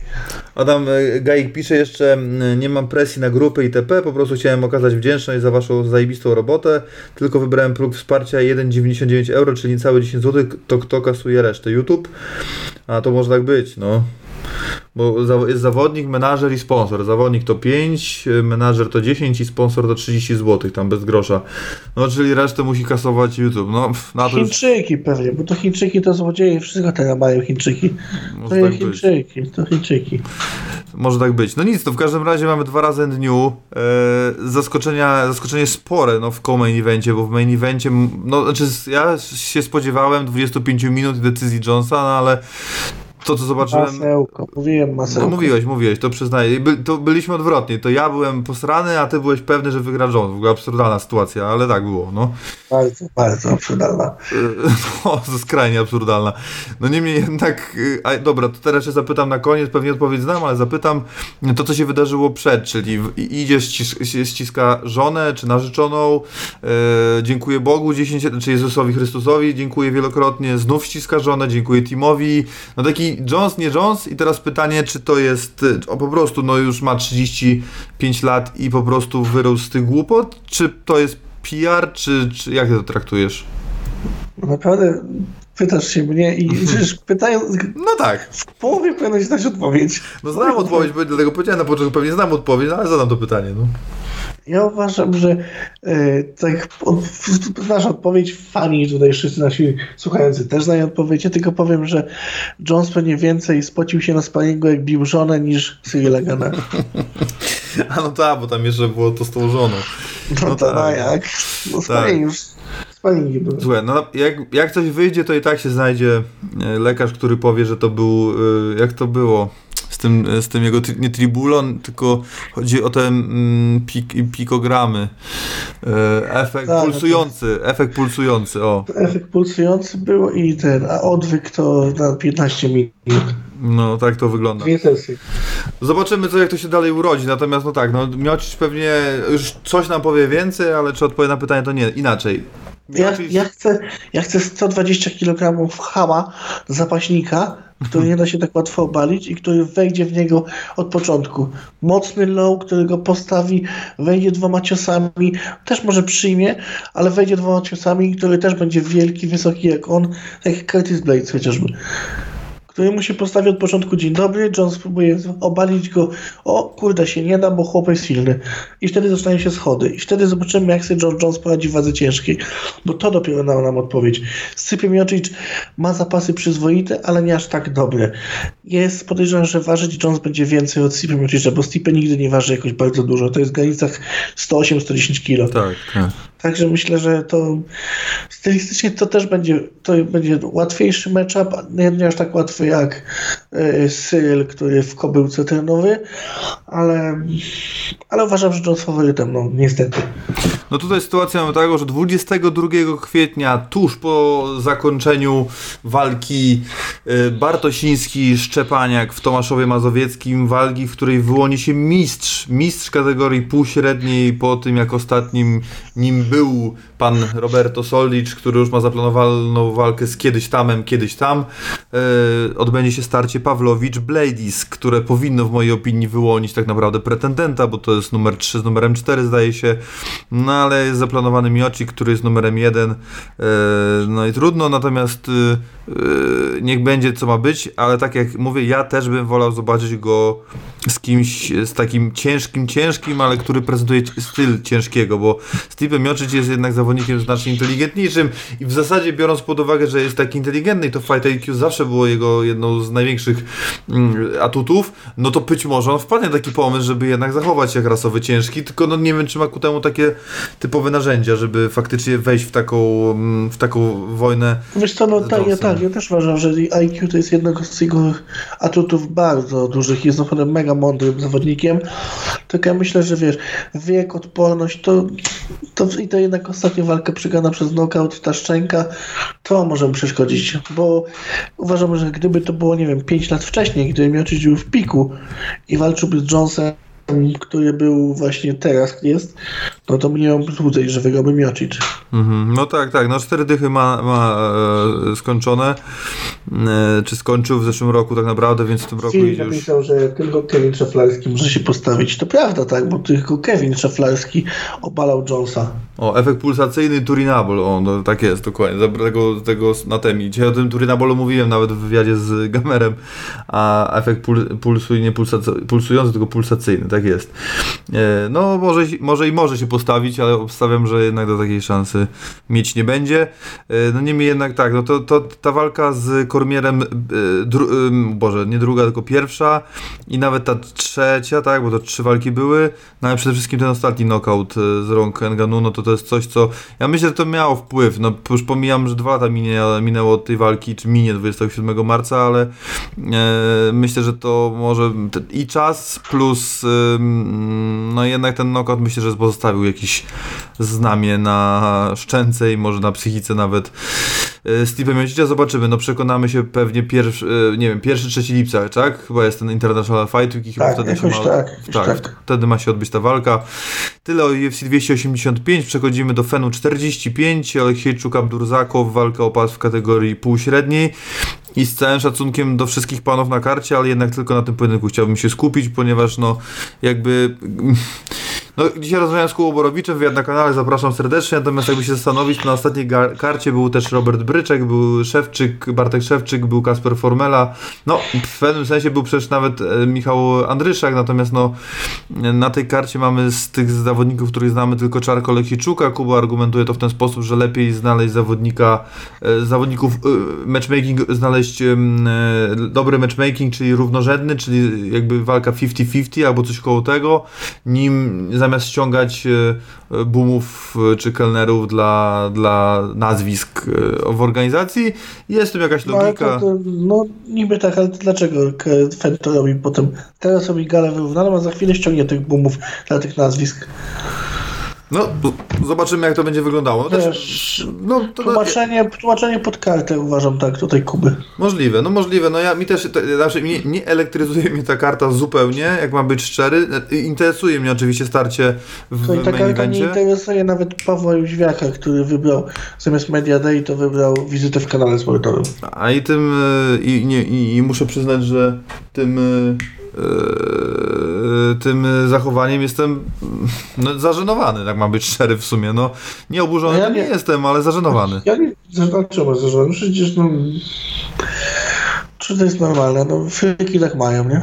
No mówi się, że teraz muszę zrobić porządek fenie, teraz czas na fen i w momencie, kiedy jest czas na fen, no to oczywiście ja oglądałem fragment tego programu po powrocie do domu i oczywiście, że tam jest bardzo dużo o fenie, no tylko co z tego, no jakby przyjeżdżają media i jak mam być szczery, co mnie zaskoczyło trochę i nie do końca wiem z czego to wynika, tych mediów było na więcej niż na KSW na Media Dayu. No ja rozumiem, że marki są pod Warszawą jest po prostu łatwiej dojechać, no ale było naprawdę tych redakcji sporo, jak mam być szczery i no nie wiem, czy to jest kwestia Nikoli i jego rywala, bo akurat jak my wychodziliśmy, to Nikoli nie było. bo byliśmy na dwie godziny i jeszcze, jeszcze nie dojechał, e, czy kogo, natomiast no, fakt jest taki, że to jest Media Day Fenu, na którym jest jakby, ja wiem, że Paweł będzie też jutro na wywiadach pewnie po, po ważeniu, ale powinien się dzisiaj jednak uważam pojawić, natomiast on no, uznał, że warto poświęcić te dwie godziny, czy tam ileś na, na um, wizytę w kanale sportowym w, po raz pierwszy, aby sobie, nie wiem, no coś tam wyjaśnić z Maćkiem, plus no porozmawiać o jakichś rzeczach, które, które dotyczą jego w, na tak naprawdę na trzech polach, no bo jest połączony z organizacją FEN, połączony z organizacją Prime i jest jeszcze Freak Fighterem, no więc jakby i wszystkie te tematy się przewijają. No nie, nie jest dla mnie to spoko, uważam, że nie powinno tak być i uważam, że jednak Media Day jest od tego, aby się pojawił. Z drugiej strony ktoś może zapytać, czy na Media KSW pojawiają się właściciele organizacji KSW, no niby nie jest Wojek, no ale Wojek to jest osoba, która jest aktualnie najbardziej merytoryczna, jeżeli chodzi o kartę walki, rozmowę o niej, także on zawsze jest, przecież doskonale ponieważ wywiady się z nim pojawiają u nas niemalże regularnie. E, I tyle, no dla mnie organizator jest, powinien, nie chcę tego brzydko nazywać, natomiast jest od tego, aby się pojawić i dać wywiad przed i dać wywiad po yy, każdej zakończonej gali, ponieważ jest firmują to swoją twarzą, organizują to są źródłem inform wielu informacji i po prostu powinni stawać na ściance przed i po gali tak samo zawsze i tyle. I myślę, że za, i też zawsze tak jest w organizacjach zagranicznych. Myślę, że w Polsce też to powinno być normą i nie powinno się tego zmieniać, bo, bo normą to było. No ale przechodząc już do tematu głównego, no to pozwolę sobie odpuścić e, te starcia mm, z karty, mm, z karty walk Fenu poza main eventem, czyli Aleksiejczuk Abdurzakow. No nie, nie, ma, nie da nie się ukryć, tak? Aleksiejczuk wiadomo, gdzie, gdzie będzie chciał walkę utrzymywać, a gdzie Masur będzie chciał sprowadzić. No pytanie, czy mu się to uda. Rekordy panów zbliżone.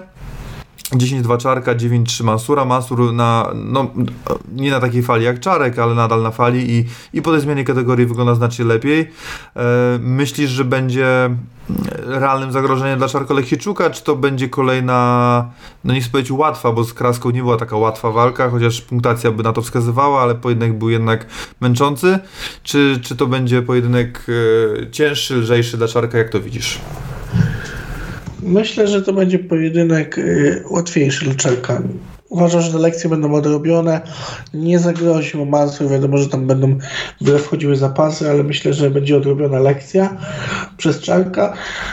Uważam, że to będzie skończenie przed czasem. Myślę, że to będzie poddanie.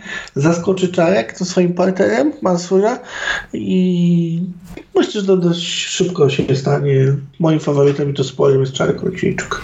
No z tych walk, o których chciałbym jeszcze tylko wspomnieć, no to mnie interesuje jeszcze trochę w kategorii średniej starcie Dragański Grześkowiak. Panowie mają obaj po 3-0.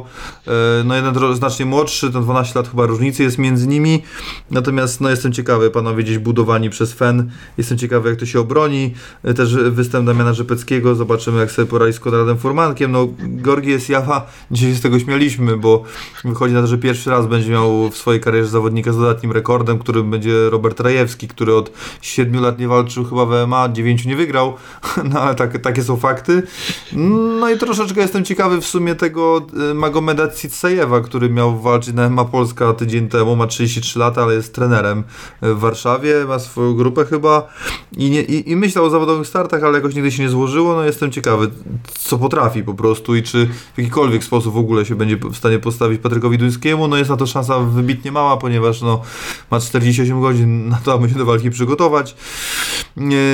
No i oczywiście rzucę okiem, nie ukrywam na to, czy Nikola Milanowicz e, zmarzy plamę po walce z Pudzianem i e, wyrówna swój rekord do 1-1, także tyle o tej karcie.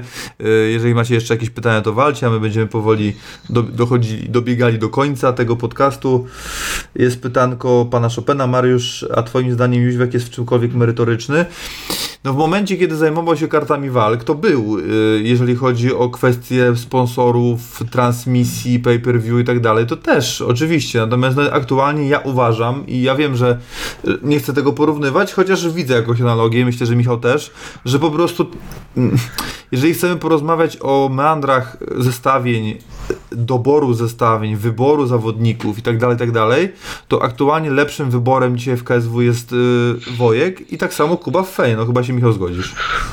No tak, no tak, bo Kuba zajmuje się MMA.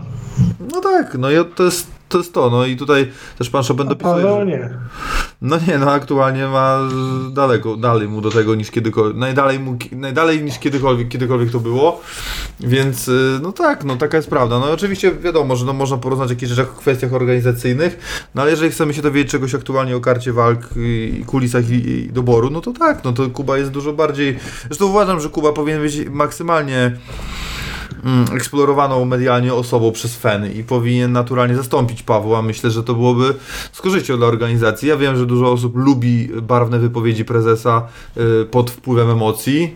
Więcej uważam, że z tego szkody niż pożytku w ogólnym rozrachunku. Wiadomo, że każdy lubi się pośmiać, ale, ale z, większości tych rzeczy, które mówi pod wpływem emocji, potem przeprasza albo przyznaje się do błędu, co nie jest pewnie potrzebne nikomu do, do niczego, więc lepiej, więcej, lepiej by było, gdyby e, tej zimnej głowy było więcej i, i to Kuba przychodził po galach, natomiast no słuchajcie, no pewnie tak będzie i tym razem, tak jak było ostatnio, że podsumowanie gali zrobimy zrobimy z Kubą z racji tego, że po prostu no nie chcemy, aby 70% y, tego wywiadu, tego wywiadu grupowego zdominowały pytania o y, walki Pawła, tylko o galę FEN, na której się będziemy znajdowali, więc obstawiam, że akurat podsumowanie znów usłyszymy z Kubą i myślę, że w ogólnym rozrachunku na dłuższą metę y, Kuba Borowicz jest w stanie mm, być mm, tak, nie, nie chcę użyć, nie wiem jak to dobrze, tak pożądane wywiady z nim będą, jak, będą, jak są z Wojkiem, no bo to jakie jest zamieszanie wokół tych wywiadów e, z dyrektorem sportowym KSW, to jest coś, co przeszło moje najśmielsze oczekiwania i, i, i odbiór jest naprawdę bardzo, bardzo dobry i, i, i cieszy mnie to, no, bo jestem zaskoczony, w sumie nie, nie spodziewałem się, myślałem, że wszyscy zdecydowanie wolą słuchać Martina albo Maćka, a nie jest tak. I, i oczywiście w pewnych kwestiach owszem, no i, i, tego bym też sobie życzył, żeby, żeby z Kubą było e, mm, podobnie, bo jak jeżeli on układa karty, no to kto ma wiedzieć więcej niż on o nich, także tyle. W- Krzysztof Nowak w czeskim oktagonie zawodnik, który odpadł w jednej ósmej turnieju otrzymał 15 tysięcy dolarów, czy to dużo? Czy taki siwiec w KSW dostałby więcej? Surdu więcej, e, Surdu więcej płacili niż 15 tysięcy dolarów. No i on Surdu w wywiadzie przed walką, który jest u nas na kanale, wypowiedział się na ten temat i powiedział, że to za to odpadnięcie dostanie dużo, dużo więcej niż za ostatnią walkę w KSW. I czy to dużo? Dużo. No dużo, Dużo. no 15 tysięcy euro, nie dolarów. A to trochę zmienia. To jest dużo. To jest dużo, no wchodzisz do organizacji czeskiej e, na ich 40 gali, fakt, faktem, natomiast no dostajesz 60, y, ponad 60 tysięcy złotych, nam e, pod 70. 70. 70, no 4,70 chyba euro stoi, więc pod 70 tysięcy złotych, no to są, no nie no w KSW to nie chcę że to nie są stawki zarezerwowane dla to czołówki, bo czołówka dostaje znacznie więcej, natomiast no to, to, to są stawki, o których może debiutant marzyć. Myślę, nie, nie wiem, no może może tutaj Rauli tyle dostał e, zawodników zagranicznych, bo chciałbym to tak porównywać, no bo nie chcę porównywać Arka Wrzoska czy Radka Paczuskiego, no ale mm, jeżeli chodzi o zawodników zagranicznych przychodząc do organizacji, no to może tutaj Rauli faktycznie dostał więcej niż 15 tysięcy euro, ale nie, może nawet na pewno, natomiast to, to na pewno nie jest stawka wejściowa, a, a też pamiętajmy kim jest tutaj Rauli, bo to jest jednak czołowy zawodnik kategorii, swojej kategorii w Europie. Surdu nie jest zawodnikiem czołowym y, swojej kategorii w Europie, więc, więc absolutnie tutaj to no, to jest bardzo dobre pieniądze.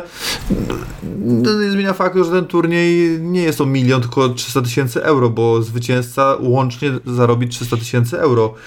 Co w przeliczeniu na złotówki no jest czymś niewyobrażalnym, no bo to, jest, to są stawki zarezerwowane już absolutnie dla mil, czołówki mi- to światowej. jest milion. No y, to nie, no 300 Na tysięcy. złotówki tak. No na złotówki to to jest nas półtora miliona pewnie gdzieś tam około, no a i to są, to są pieniądze zarezerwowane dla czołówki e, światowej, a nie europejskiej, także 300 tysięcy euro to, tam są stawki, które dostają zawodnicy pewnie 105 w UFC, także no Zależy oczywiście którzy, natomiast to też dostały też więcej, ale ogólnie wiadomo o czym rozmawiamy, także stawka 300 tysięcy euro KSW jest zarezerwowana tylko dla dwóch nazwisk na przykład, wiadomo dla, dla których, więc no, kosmiczne pieniądze, a ma szansę się oni, mają szansę się oni, oni, oni bić zawodnicy, którzy no nie chcę przesądzać, no ale podejrzewam, że w większości w KSW nie znaczyliby za wiele, no. Tak brutalnie nazywając rzeczy po imieniu. Czytam, co my tu mamy dalej. Wraca, wracam do pytania o Broka Lesnara. Ja mogę odpowiedzieć, bo ja czytałem już to pytanie. No to dawaj.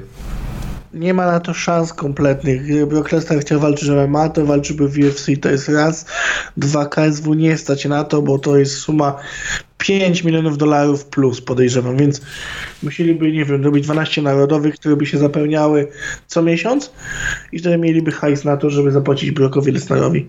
Ale Brock bawi się już w ten cyrki, no nie, nie, nie. Nie ma na to żadnych szans, także Beasley nie będziemy nawet pytać o to Martina i Wojka, bo to jest totalnie bez sensu. Nie ten budżet, nie te pieniądze i popularność oczywiście, ale uważam, że gdyby chciał się bić Lesnar w MMA, to UFC byłoby to pierwsze. Krzysztof Nowak pytał, kto finansuje czeski Oktago. No to ja to jest najśmieszniejsze, bo odpowiedź masz w nazwie turnieju. Tip Sport Game Changer. Tip Sport to jest bookmacher czeski. On finansuje ten turniej, zdaje się, w całości. I takich y, y, sponsorów ze świecą szukać. No. I tutaj Michał jeszcze na koniec zapytam Cię, bo to też jest temat, ja w ogóle poświęcimy temu osobny odcinek, od razu tutaj uprzedzam wszystkich, którzy nas słuchają i będą odsłuchiwać. E, KSW Koloseum 2 e, poświęcimy temu, nim się karty odkryją za mocno. Myślę, że może nawet następny odcinek, no bo to będzie, będziemy mieli podsumowanie Fenu, zapowiedź, a już mamy typowanie KSW wtedy. Mm, no to może po KSW w takim razie zrobimy odcinek, w którym yy, podamy poświęcony tylko i wyłącznie gali KSW To Koloseum to 2. zrobimy to za dwa tygodnie, bo ja za tydzień nie mogę Mhm. i za dwa tygodnie. Tak, za dwa tygodnie zrobimy, podamy swoje karty na KSW Koloseum 2, natomiast no, ci- ciągle się przewija te nazwiska, no dzisiaj wiemy jaka sytuacja wyniknęła a propos Asi Jędrzejczyk, no zdradziła w mojej opinii petardę, i więc zapraszam do odsłuchu wywiadu, bo naprawdę tego się nie spodziewałem w sumie tego, co zdradziła a propos propozycji na walkę e, na Narodowym z Karyną Kowalkiewicz, czy- na rewanż w zasadzie. E, Natomiast e, Michał, tak już jakby, no jedną walkę mam ogłoszoną, no tajemnica Poliszynela, wiadomo, natomiast e, a propos a pro, bo taką mam ciekawą, ciekawą kwestię propos Mam- Mameda Halidowa. Mówi się y, o Hektorze Lombardzie, mówi się o Lioto Maszidzie, a ten internet, który czytam ja, nie jest zadowolony z żadnego z tych nazwisk i wolałby Scotta Askama. I teraz ja tego nie rozumiem, bo nasi widzowie, znaczy nasi, nie tylko nasi, ale jakby internauci y, MMA mnie zaskakują na każdym kroku. Myślałem, że już w sumie jestem w stanie przewidzieć ich wszystkie zachowania, decyzje, prośby i marzenia, natomiast to mnie trochę ro- y, y, zaska- zaskakuje, ale zaskakuje mi na plus, bo pod każdym względem ta walka będzie lepsza, ciekawsza, przyszłościowa bardziej. Natomiast nie jestem, jestem zszokowany, że, że na, taką, na taką galę, która rządzi się swoimi prawami, internauci, fani y, MMA są w stanie wyzbyć się nazwiska Mashida i Lombard na rzecz Scotta Askama. To jest budujące, ale zaskakujące. Jaki ty masz do tego stosunek? I czy No. też jesteś w tej grupie, no. Dokładnie tak jak, tak jak ten stosunek. Bardzo mnie to cieszy i nie tylko mieć brawa, bo mi się to podoba. To znaczy, że, że ci fani MMA i nie tylko fani, bo też e, ludzie, którzy oglądają tylko i wyłącznie KSW, którzy są tam takimi dzielnymi kibicami, ale znają nazwisko Lombard Machida, dalej są Askama, czyli świadomość jest coraz większa i jednak wiedza ma jest coraz większa, to jest budujące, jak powiedziałeś. Też bym chciał Askama, też bym wolał Askama zdecydowanie, raz, że jest ta historia i wiadomo, to się też, to się też sprzeda. A dwa, to nie jest rozbity 40-latek, który ma 8 z rzędu przegranych. No, jeśli, jeśli nie, był to, nie byłby to Askem, to wolałbym już Lioto aniżeli Hektora. A druga sprawa, jeśli e, któryś z tych wymienionej dwójki, czyli Hektor lub Lioto, dostaliby kontrakt, to moim zdaniem wyklucza to Alistera w udziale w gali. No to jest ciekawe, bo te rozmowy się toczą równocześnie, więc to tak by jest inaczej.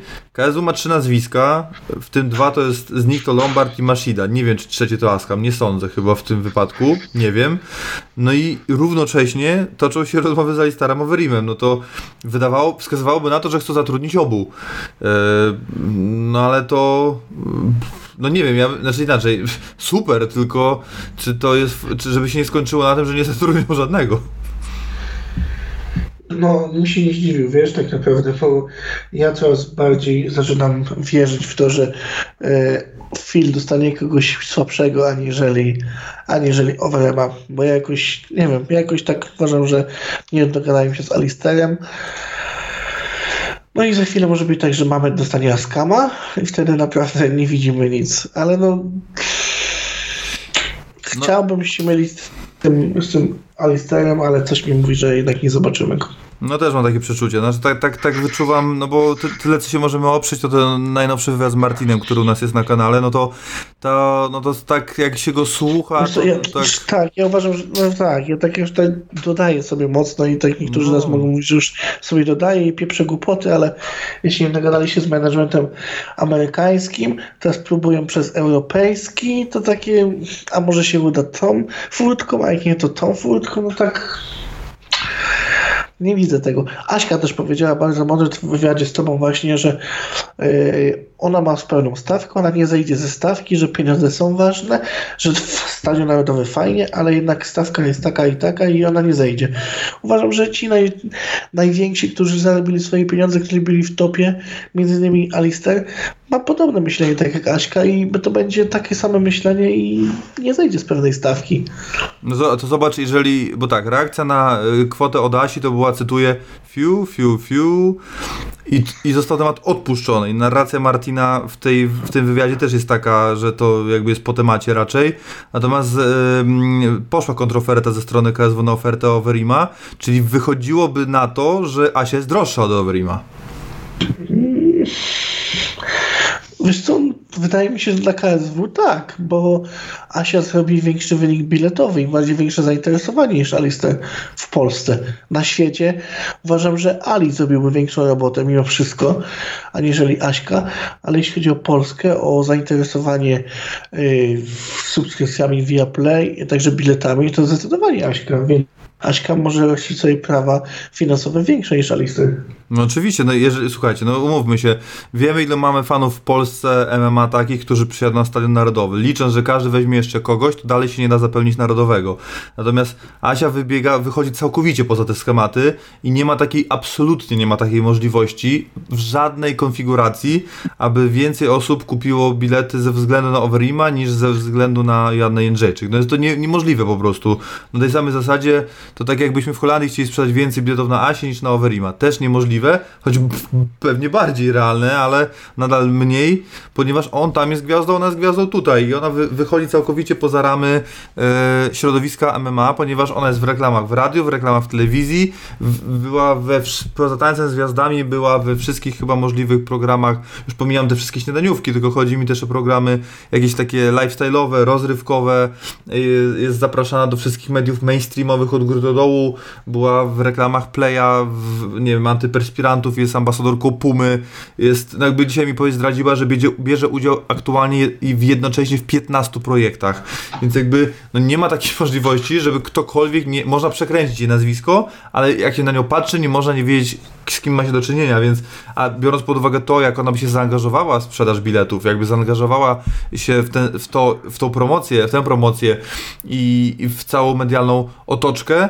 to jestem głęboko przekonany, że jej obecność by wpłynęła przekosmicznie na, e, na odbiór KSW, na e, tę kartę walk i na też tę sprzedaż biletów. Także tutaj to pff, no byłoby piękne, natomiast oczywiście mm, ja też nie chciałbym za bardzo oglądać akurat walki z Karoliną, bo tak po prostu, no bo panie nie chciałbym, żeby to wracały tam te emocje, bo są niepotrzebne. E, i, I tylko mam problem z tym, że no dla, dla Overima mamy gotowego rywala, a ty nawet uważasz, że Phil, to ty uważasz, że Phil był faworytem? Masełko. Masełko mówisz, no a dla Asi już nie ma takiej rywalki, nie? I to jest problem. Także tutaj to taki występ super, natomiast no po prostu tak z, z, najzwyczajniej w świecie no nie ma, nie, ma, nie ma rywalki na poziomie poza UFC, która by mogła jej postawić opór jakikolwiek, w, jakikolwiek i mówię to z pełną świadomością. Natomiast no przy Overimie to to ym, no mogłoby tak być, żeby go poskładał nasz, nasz mistrz, także no no nic, no, wychodzi na to, że się nie dogadają. Znaczy, na razie jest to prawie pewne, jeżeli chodzi o, o, o Joasie, natomiast jest szansa jeszcze na Overima. Myślę, że się skończy na, na Lombardzie albo na Mashidzie z tego wszystkiego, no ale być może jeszcze się uda tego Kanasakiego załatwić, Arkowi Wrzoskowi. Yy, Zobaczymy, kogo planują jeszcze, czy no ten stories Romana Szymańskiego z tym planem narodowego może nie jest przypadkowe, czy to ma być rywal z Mirczą, czy to ma być jakiś zagraniczny rywal, czy jaki, jaki, jaki jest plan. No kilka opcji jest, bilety dziś 15 tysięcy w 12 dni, także myślę, że, rekord, że wynik jest naprawdę dobry. No i jestem ciekawy, jak to pójdzie dalej, jestem naprawdę zaskoczony mega pozytywnie. Jak mam być szczery, nie spodziewałem się, że dojdzie do takiej sytuacji sam mam naprawdę ludzi, ludzie mi mówią, że kupują bilety na wszelki wypadek, żeby nie zabrakło. Y, ludzie, którzy nigdy nie kupowali biletów w ogóle na galę MMA, kupują te bilety na galę MMA. Te sektory topnieją w oczach. A mamy trzy nazwiska, ok? Najbardziej medialno ogłoszone, ale tylko trzy nazwiska i jeden pojedynek, z czego o tym pojedynku wiedzą wszyscy od trzech miesięcy, więc nie są w ogóle żadnym zaskoczeniem. Także jedyną zagadką jest, kto będzie walczył z Mamedem Haidowem, no bo raczej Mariana i Salaha też się wszyscy spodziewamy. No coś pięknego, no generalnie je, będę po prostu wzruszony, jeżeli się uda zrobić wynik 50+, plus, bo to będzie oznaczało, że sport po prostu ma się bardzo, bardzo dobrze, no. Albo... I tego sobie życzmy wszyscy. Tak jest. Yy, tyle na koniec. E, dziękujemy wszystkim za udział. Dzisiaj skromne, ale jakże zacne grono było z nami. Nowy wspierający Adam Gajek. Witamy serdecznie na pokładzie. E, jak się podobało, to oczywiście zostawcie łapkę w górę, bo to się pomaga nam Michał, co? Fajnie rozwijać. Tak jest. Prowadzącym byłem ja, Olkiewicz Mariusz. To był 278 odcinek Emma Tonight Live. Trzymajcie się, do następnego i piona.